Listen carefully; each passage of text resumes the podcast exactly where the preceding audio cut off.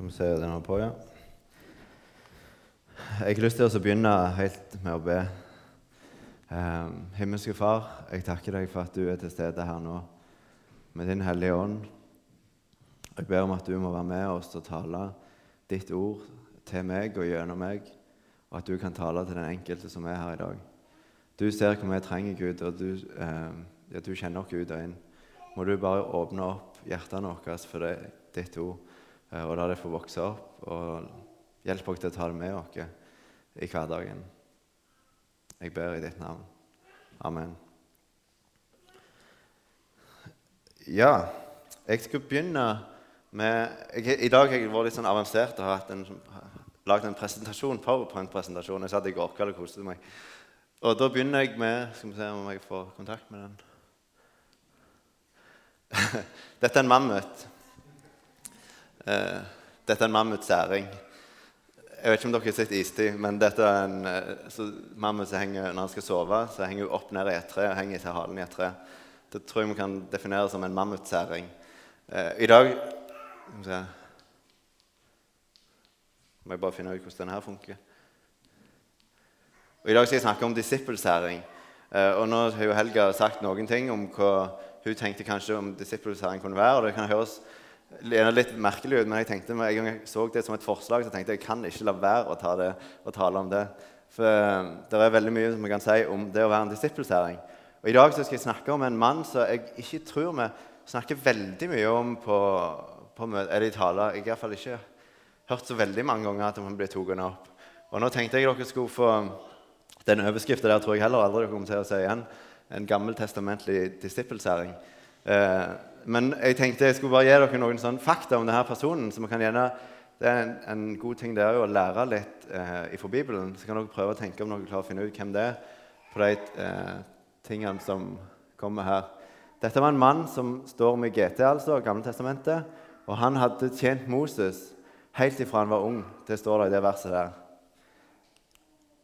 Eh, og han var med og framførte en av de første sangene som står hele sangen i, i Bibelen. En av de første, Der står at Moses framførte den sammen med denne mannen her. Eh, jeg, vet en til fakta som jeg ikke skrev opp her. Det han var sønn av Nun. Jeg vet ikke om det hjelper noen. Men han har egen bok i Bibelen oppkalt etter seg, og det er altså Josvas bok. Og Da forstår vi at jeg skal snakke om Josva.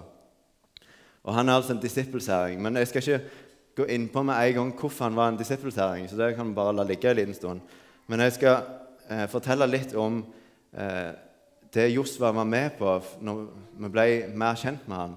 Og Da var han med i en gjeng som ble valgt ut til å være speidere for israelsfolket. Vi vet at de var eh, i Egypt, og så førte Gud de ut fra Egypt på vei mot Israel. Og så var det mange ting som skjedde. Gud leda dem på mektig vis. og Eh, Israelsfolket gjorde mange ganger det som var feil i Herrens øyne, i Guds øyne. Eh, og dermed så det ikke Det var ikke bare beine veien, hvis man kan si det sånn. Og så nærmte de seg Israel, og så, akkurat som de kunne lukte på landet. Og så sa Gud til Moses at nå må du velge ut én speider eh, fra hver stamme, altså tolv til sammen.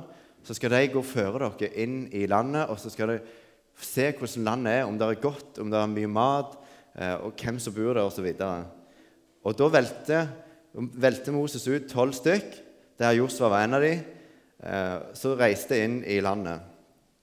Og Så skal vi lese fra 4. Mosebok, kapittel 13, fra vers 17, og så litt ut i kapittel 14.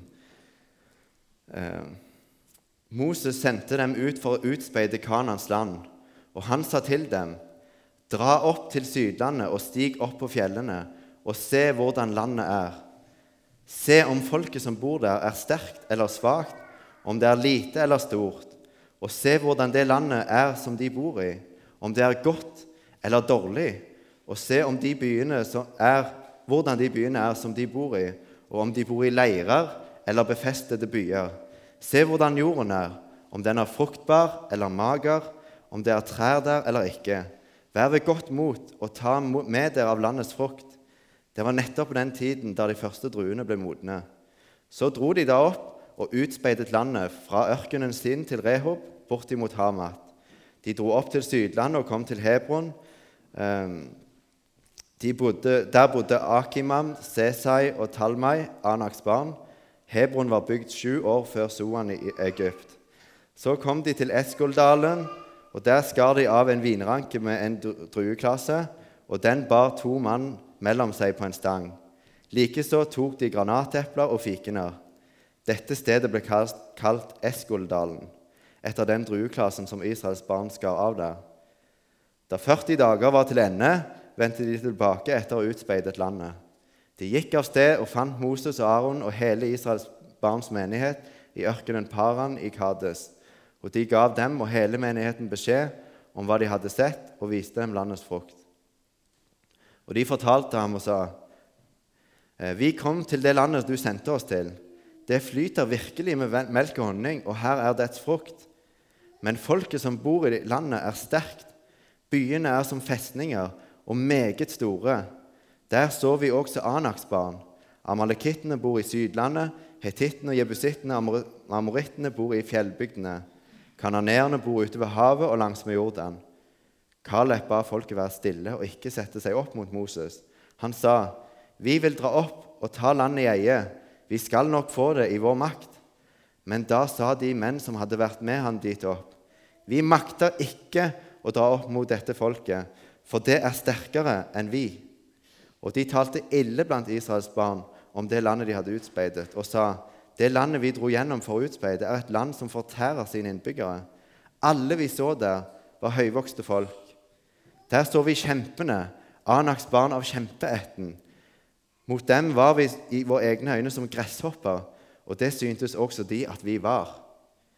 Da tok hele menigheten til å rope og skrike, og folket gråt hele natten. Og alle Israels barn knurret mot Moses og Aron. Hele menigheten sa til dem, Gid, vi var døde i landet Egypt, eller her i ørkenen. Og om vi var døde, hvorfor fører Herren oss inn i dette landet, så vi må falle for sverdet? Våre hustruer og våre barn vil bli til rov. Var det ikke bedre for oss å vende tilbake til Egypt? Og de sa til hverandre, La oss velge oss en høvding og vende tilbake til Egypt. Da falt Moses og Aron ned på sitt ansikt foran hele den samlede menigheten av Israels barn. Her ser vi at speideren kom tilbake igjen, og så ser de at det var et godt land eh, med, i forhold til at det var god jord og mye frukt. Men så ser vi at de vender tilbake igjen, og så, og så forteller de om de kjempene som de så, og at byene var befesta. Vi husker at Gud sa til, til folk, at, de, at, ja, speiderne at de måtte se om byene, om folk bodde i telt, eller om de bodde i befesta byer. For det hadde jo litt å si når israelsfolket skulle innta landet, om det ville bli lett eller vanskelig, eh, og hvor de skulle bosette seg hen i forhold til om det var fruktbart eller ikke. Så vi kan tenke at de her speiderne gjorde jo akkurat det de fikk beskjed om. De hadde notert seg at det var mye mat, eh, god mat. De tok med seg vindruer, eh, klaser så store at de måtte bære det to mann. Og da er det store eh, drueklaser. Men så la de òg merke til folkene som var store og, og, så skumle ut, og byene som så vanskelig ut til å innta. Og så fokuserte de på det, og så ser vi at de sier vi makter ikke å dra opp mot dette folket, for de er sterkere enn vi. Og så står det at da tok hele menigheten til å rope og skrike, og folk gråt hele natten. Og det, Jeg har lest dette før, og jeg leser det nesten uten å tenke over det.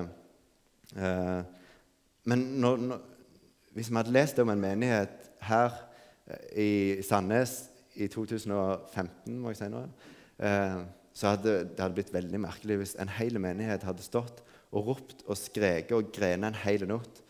Eh, vi kan gjerne sutre av og til hvis møtet er litt langt, eller hvis noen gjør noe som vi ikke liker. Og sånn, men å grine og sutre, eller ikke sutre, men, men grine og skrike rett og slett en hel natt, da forstår vi at det er noe virkelig som, som eh, som var tungt for israelsfolket. De virkelig ble motløse. De var helt ifra seg. Jeg kan ikke forstå noe annet enn hvis når så mange på, på likt skal, skal, være motløse og grine og skrike. Eh, og så har vi kanskje opplevd det av og til, at vi har et mål framfor oss, et eller annet som vi føler vi akkurat nesten har klart å få tak på, men akkurat ikke allikevel. Så nærmer vi allikevel så langt eh, vekk ifra Her kommer det et bilde. Er ikke noe med sammenhengen å gjøre, men bare for å få fram uh, bildet. Jeg klarer akkurat ikke å få fatt på mobilen. uh, og Vi kan gjerne tenke hvordan israelsfolket uh, hadde blitt fortalt at de skulle bli fridd ut fra Egypt. Uh, og de skulle slippe å være fanger og slaver. Og så skulle de bli ført inn hjem til det landet der Abraham, og Isak og Jakob hadde bodd. Eh, og så hadde de gleda seg til det, helt sikkert. Og De hadde jo opplevd at Gud hadde skilt havet for dem. Og de så nok på det som ei stor gulrot, det å endelig komme hjem og få sitt eget land. Og så sender de speiderne inn, og så kommer de tilbake igjen og bare ruinerer hele bildet de hadde. For nå tenkte de Hva er det Gud feiler? Hvorfor gidder han å dra oss gjennom landet og gjøre så mange under og tegn og styre på, og så kommer vi til et land som ikke klarer å inn? Da, byene er jo befesta, og det bor kjemper der. Det er jo helt umulig. Se på oss, da. Vi har gått gjennom ørkenen lenge. Vi, vi makter det jo ikke. De kommer til å drepe. Det står her det står sier våre hustruer og våre barn vil bli til rov, sier de. Helt motløse. Og vi kan gjerne godt forstå dem hvis vi tenker oss bare litt om For det kan være lett i ettertid å tenke at de burde jo forstått at Gud kan jo gjøre alt. han hadde jo sånn. Men, men vi mennesker er av og til ikke helt sånn. Og Da kommer vi tilbake igjen til det med å være en særing.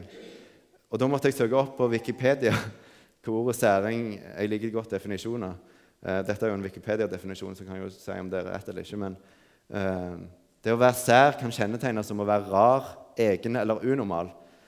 Og det, Den formen som jeg bruker særing om disippelsæring, det er å være unormal. Og Nå skal vi høre om speidersæringene. Vi hørte litt at Caleb sa, ga et lite hint om at han var en litt særing, unormal i forhold til de andre speiderne. Han sa vi vil dra opp og ta landet i eie. Vi skal nok få det i vår makt. Men så bare ble han eh, sprunget ned av de andre som fortsetter å snakke om hvor galne, eh, hvor store kjempene var, og hvor gale det var. Og da skal vi le ja, De fleste var motløse og redde. Eh, og israelsfolket ropte, skreik og gråt. Og da står det israelsfolket Da er det jeg vil tippe over 90% sikker som grein og skreik eh, og ropte.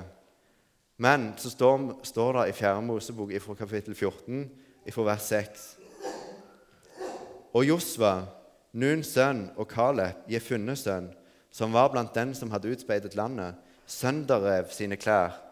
Og de talte til hele Israels menighet og sa:" Det landet som vi dro igjennom for å utspeide, er et overmåte godt land.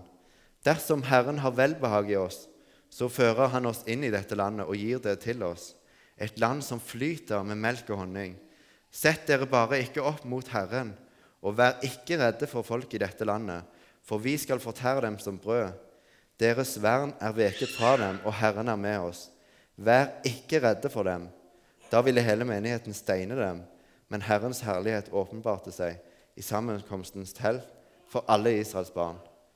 Her ser vi hvordan Josva og Kaleb snur helt på fliset og ikke bekymrer seg i det hele tatt for kjempene og sier dette er et godt land, Gud vil føre oss inn. Og Responsen fra menigheten de er så ifra seg ennå at de lukker ørene og finner fram steiner for å steine dem. Vi vil ikke høre på det dere sier. Gud har tenkt at vi skal dø, og det er ingen plan. Vi vil tilbake igjen til Egypt, til fangenskapet. Og Guds, Guds reaksjon på dette det var at israelsfolket de måtte fortsette å vandre i ørkenen i 40 år. Ett år for hver dag speideren hadde vært inne i landet. Og Det er litt av en straff når du er gått eh, og er klar for å komme inn i et land, og så må du fortsette å gå i ørkenen med dårlig med mat, du er ikke en plass å bo, og du, du, vet du kommer aldri til å oppleve det du en gang ble eh, forestilt at du skulle. Og Det som i tillegg eh, står, det er at i 4. Mosebok 14, 31 så står det Og barna som dere sa ville bli til rov, dem vil jeg føre dit inn. De skal lære det landet å kjenne som dere har ringeaktet. Gud viser sin storhet og sin allmakt med å på en måte ta på kornet det israelsfolket var bekymra for.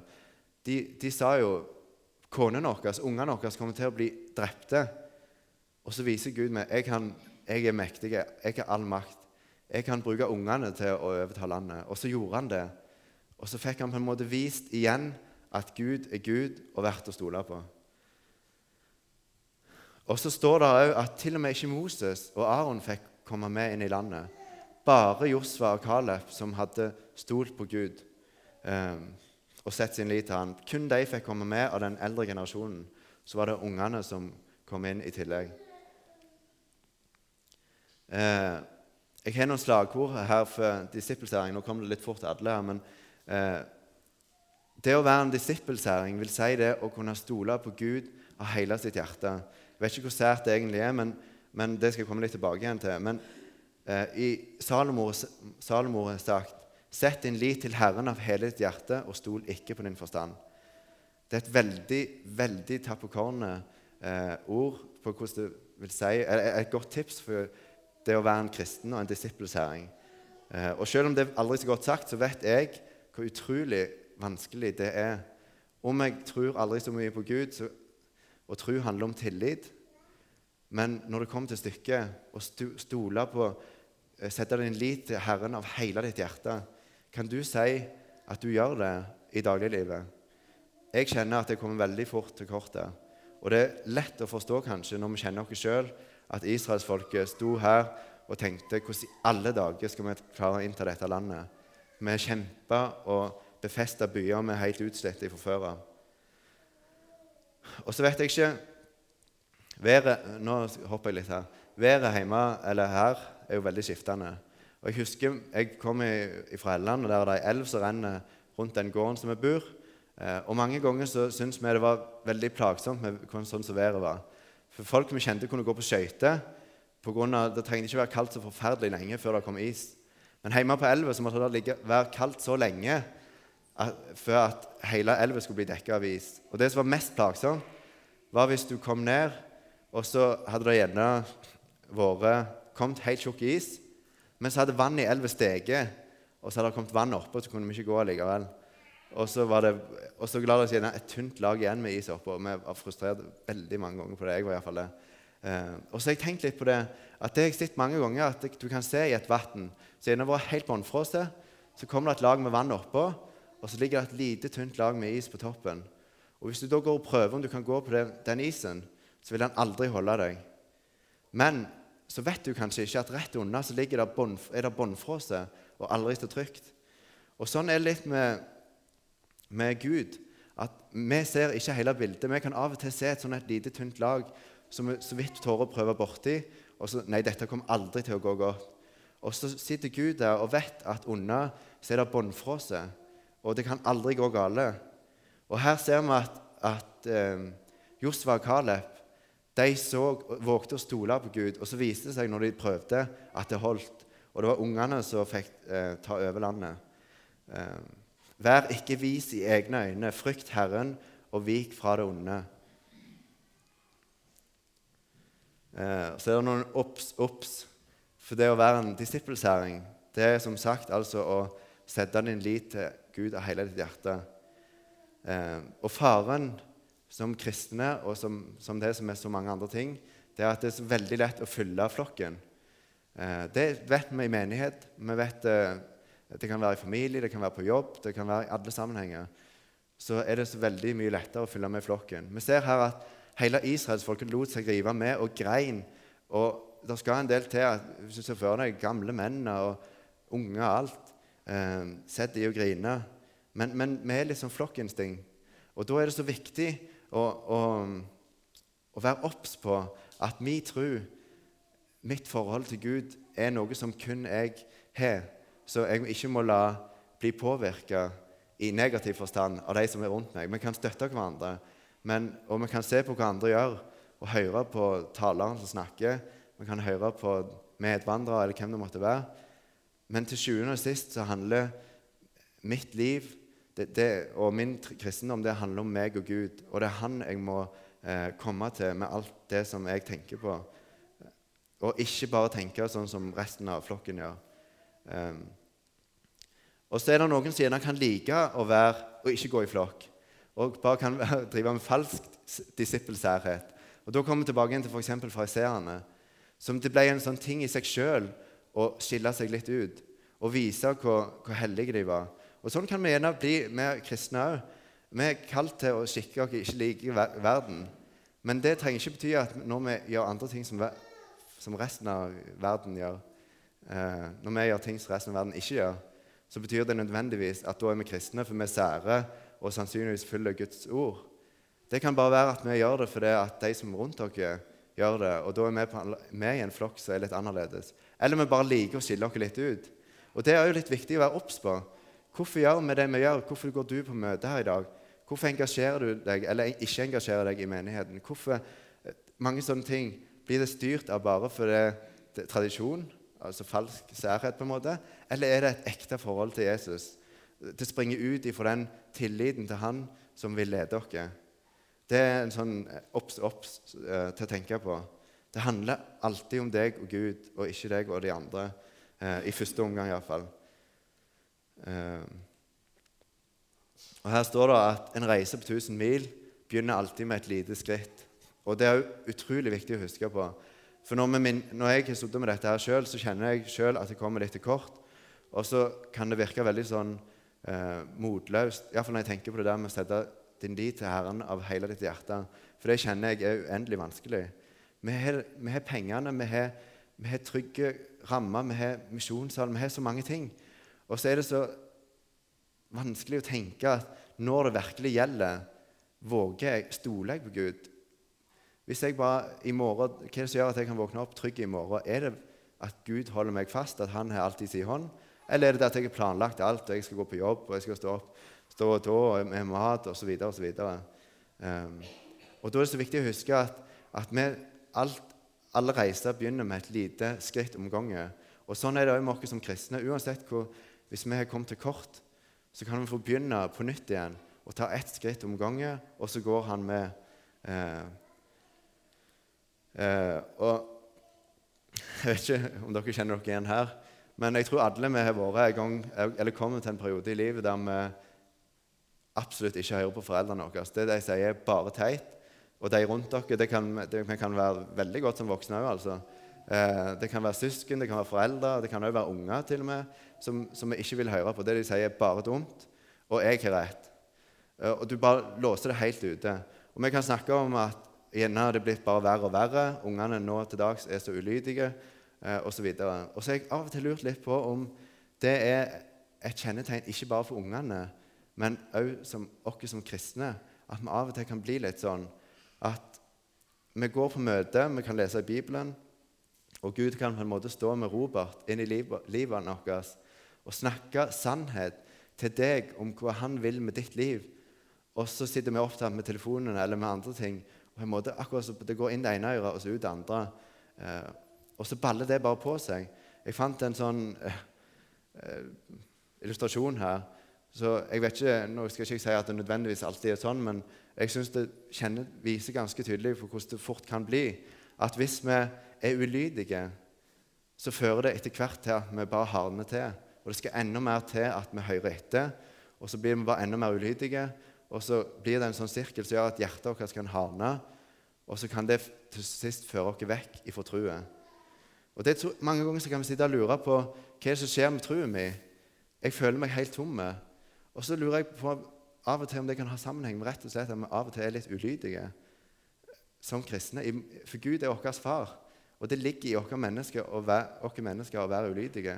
Og det er ikke en kjekk ting å, å, snakke om, egentlig, for jeg kjenner det sjøl òg. Men jeg tror det er viktig å, å være obs på det. Er du lydig eh, mot Gud? Og Da kommer det en ting til som kan være vanskelig. Eh, den vanskeligste bønnen å be med ærlig sinn er det. er bønnen 'La din vilje skje'. For En ting er at vi kan være ulydige. En annen ting er at vi kan være så redde for å høre hva Gud vil si til oss, at vi våger ikke be 'la din vilje skje'. Vi våger kanskje heller ikke å sette oss skikkelig inn i hva vil Gud egentlig med mitt liv? Hva vil Han egentlig bruke meg til? Min, min tid, eh, mine, ja, mine, ressurser. Hva vil egentlig Gud med mitt liv? Våge å be den bønnen og gå et skritt eh, og stole på Gud.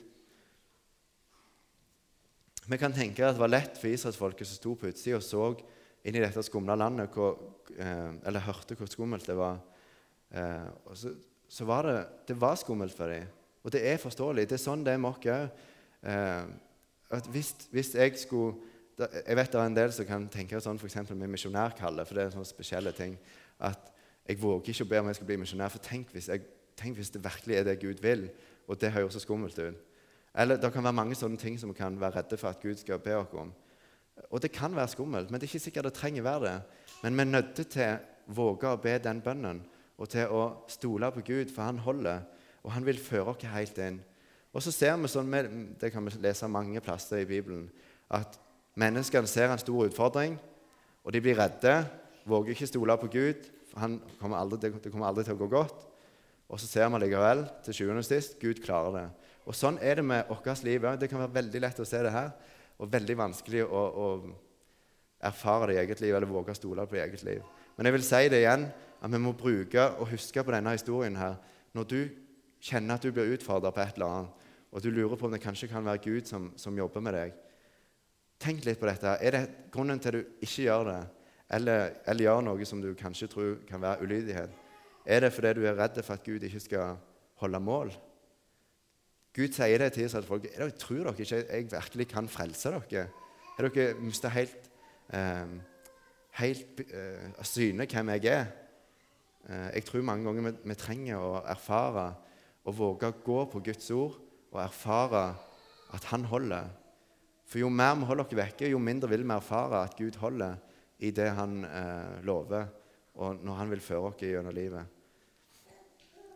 Og så står det noen tips til en disippelsering. Og det er altså det som er å være en disippelsering. Å våge å gå på Guds ord. For det koster, og da vil du skille deg ut i, i verden. Og kan òg fort være at du skiller deg ut i menigheten òg. Eh, beklageligvis mange ganger. Men eh, nå håper jeg at vi alle er disiplisering her. Eh, så hører på det Gud vil si til oss, og går på det. I Romerne 12, fra vers 1, så står det jeg formaner dere altså, brødre, ved Guds miskunn, at dere framstiller deres legemer som et levende og hellig offer til Guds behag. Dette er deres åndelige gudstjeneste, og skikk dere ikke lik denne verden, men bli forvandlet ved at deres sinn fornyes, så dere kan dømme om hva som er Guds vilje, det gode, det som Han har behag i, det fullkomne. Og så står det noen tips til. for jeg tenker litt, Hvordan kan vi være disippelseringer i hverdagen? Det handler jo om å følge, følge Jesus og, og, gjøre etter det som han, han ber oss om å gjøre. Og så står det her f.eks.: La kjærligheten deres være uten hykleri, fra Romane 12, vers 9.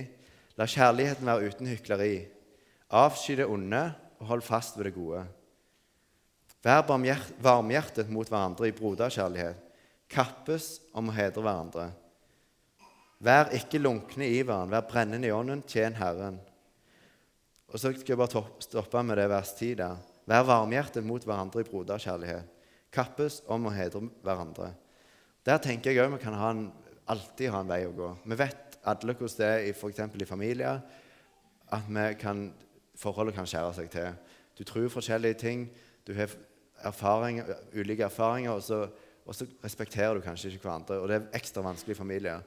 Og kanskje ekstra viktig er det da for oss kristne å prøve å um, å bevare den varmhjertigheten mot hverandre og kunne gå en ekstra mil mot de som er brødre, søstre, foreldre, unger, besteforeldre. Eh, og, og gjør det på tross av at det føles eh, at det går på æren løs, kanskje, og sitter langt inne. Men gjør det på grunn av at Jesus elsker meg først, og så skal jeg elske de som er mine neste. Og Det gjelder på jobb, det gjelder i menigheten. Vær varmhjertet mot hverandre. At misjonssalen kan være en plass der vi er kjent for å være varmhjertet mot hverandre, på tross av at vi kan være uenige om det ene eller det andre. Så er vi varmhjertet mot hverandre, for Jesus har vært først mot dere. Um, om din fiende er sulten, så gi han må ete, og er han tørst, så gi han må drikke. For når du gjør det, samler du glødende kull på hans hode. La deg ikke overvinne av det onde, men overvinn det onde med det gode. Om det er mulig, da hold fred med alle mennesker så langt det står, nær, øh, står til dere. Og så skal vi lese en oppmuntring. For hvordan går det med mennesker som våger å følge og stole på Gud? Eh, hvordan går det med deg når du vel våger å gå og si ja til det Jesus eh, ber deg om å gjøre? Og Vi vet f.eks. Jonna, profeten Jonah han måtte bli tvinga til å gjøre det Gud, eller bli, i flere omganger. Eh, og Sånn kan det være med oss. Men hør bare hva, hva Gud sier til Josva, for en oppmuntring Josva fikk. Han var den som fikk lede israelsfolket inn i Israel. Og så leser vi fra Josva 1, fra vers 7. Vær du bare riktig frimodig og sterk, så du legger vind på å gjøre etter hele den loven som Moses, min tjener, lærte deg. Vik ikke fra den, verken til høyre eller til venstre, så du kan gå klokt fram i alt du tar deg fore. Denne lovens bok skal ikke vike fra din munn. Du skal grunne på den dag og natt, så du akter vel på å gjøre alt, etter alt det som står skrevet i den. Da skal du ha lykke på dine veier, og du skal gå klokt fram. Har jeg ikke befalt deg? Vær frimodig og sterk. Frykt ikke, og vær ikke redd, for Herren din Gud er med deg i alt du tar deg i fore. Og så tenker jeg den siste verset der. Hvis vi sitter trygge og gode og lukker ørene for det Gud sier, og heller springer andre veien hvis vi en sjelden gang får øye på det han vil si til meg akkurat dere, så trenger vi ikke høre det. Vær ikke redde, frykt ikke, for da har vi det trygt og godt. Men når vi våger å være bli litt utrygge og gå der det kan kjennes uh, utrygt, og høre og se om han vil si noe til oss i sitt ord eller på andre måter. Um, så kan vi høre at han sier til oss, vær frimodig og sterk. Frykt ikke og vær ikke redd, for Herren din Gud er med deg i alt du tar deg i fore. Ja, det var det. Jeg tror jeg bare skal be kort igjen før jeg går ned og setter meg. Himmelske Far, du ser og kjenner oss mennesker. Du har skapt dere, og du kjenner at vi mange ganger eh, kan være ulydige mot deg. Og til og med kan gjerne lukke ørene du, og øynene for det du vil si, i frykt for hva du vil bruke oss til eller si til oss. Himmelske Far, vi står her med hele livet, livet vårt. Eh, familie, jobb, hytte, hus og biler. Du ser alt som vi har, har vi lånt av deg, og det er ditt. Så ber vi deg om at du må vise hvordan du vil at vi skal bruke det. Om det er ting du vil vi skal bli kvitt, eller kvitte oss med, eller om det er ting du vil vi skal endre på, om, det, om de tingene vi har, vi kan bruke dem på andre måter, eller om vi lever livet sånn som du vil. Himmelske Far, vi ber om at du bare må åpenbare det for oss og lede misjonssalen eh, og hver enkelt her inne på din vei. Eh, og la oss få kjenne at vi er avhengige av deg, for vi vet at vi egentlig er det innerst inne. Må du bare eh, la oss få erfare det og hjelpe oss til å ta de første skrittene, eller det tusende skrittet, om det så er eh, i tro og tillit til deg, sånn at du kan få virke det du vil. Og vi kan få kjenne at du eh, er der og bånnfrostet det holder i massevis. Jeg ber i ditt navn. Amen.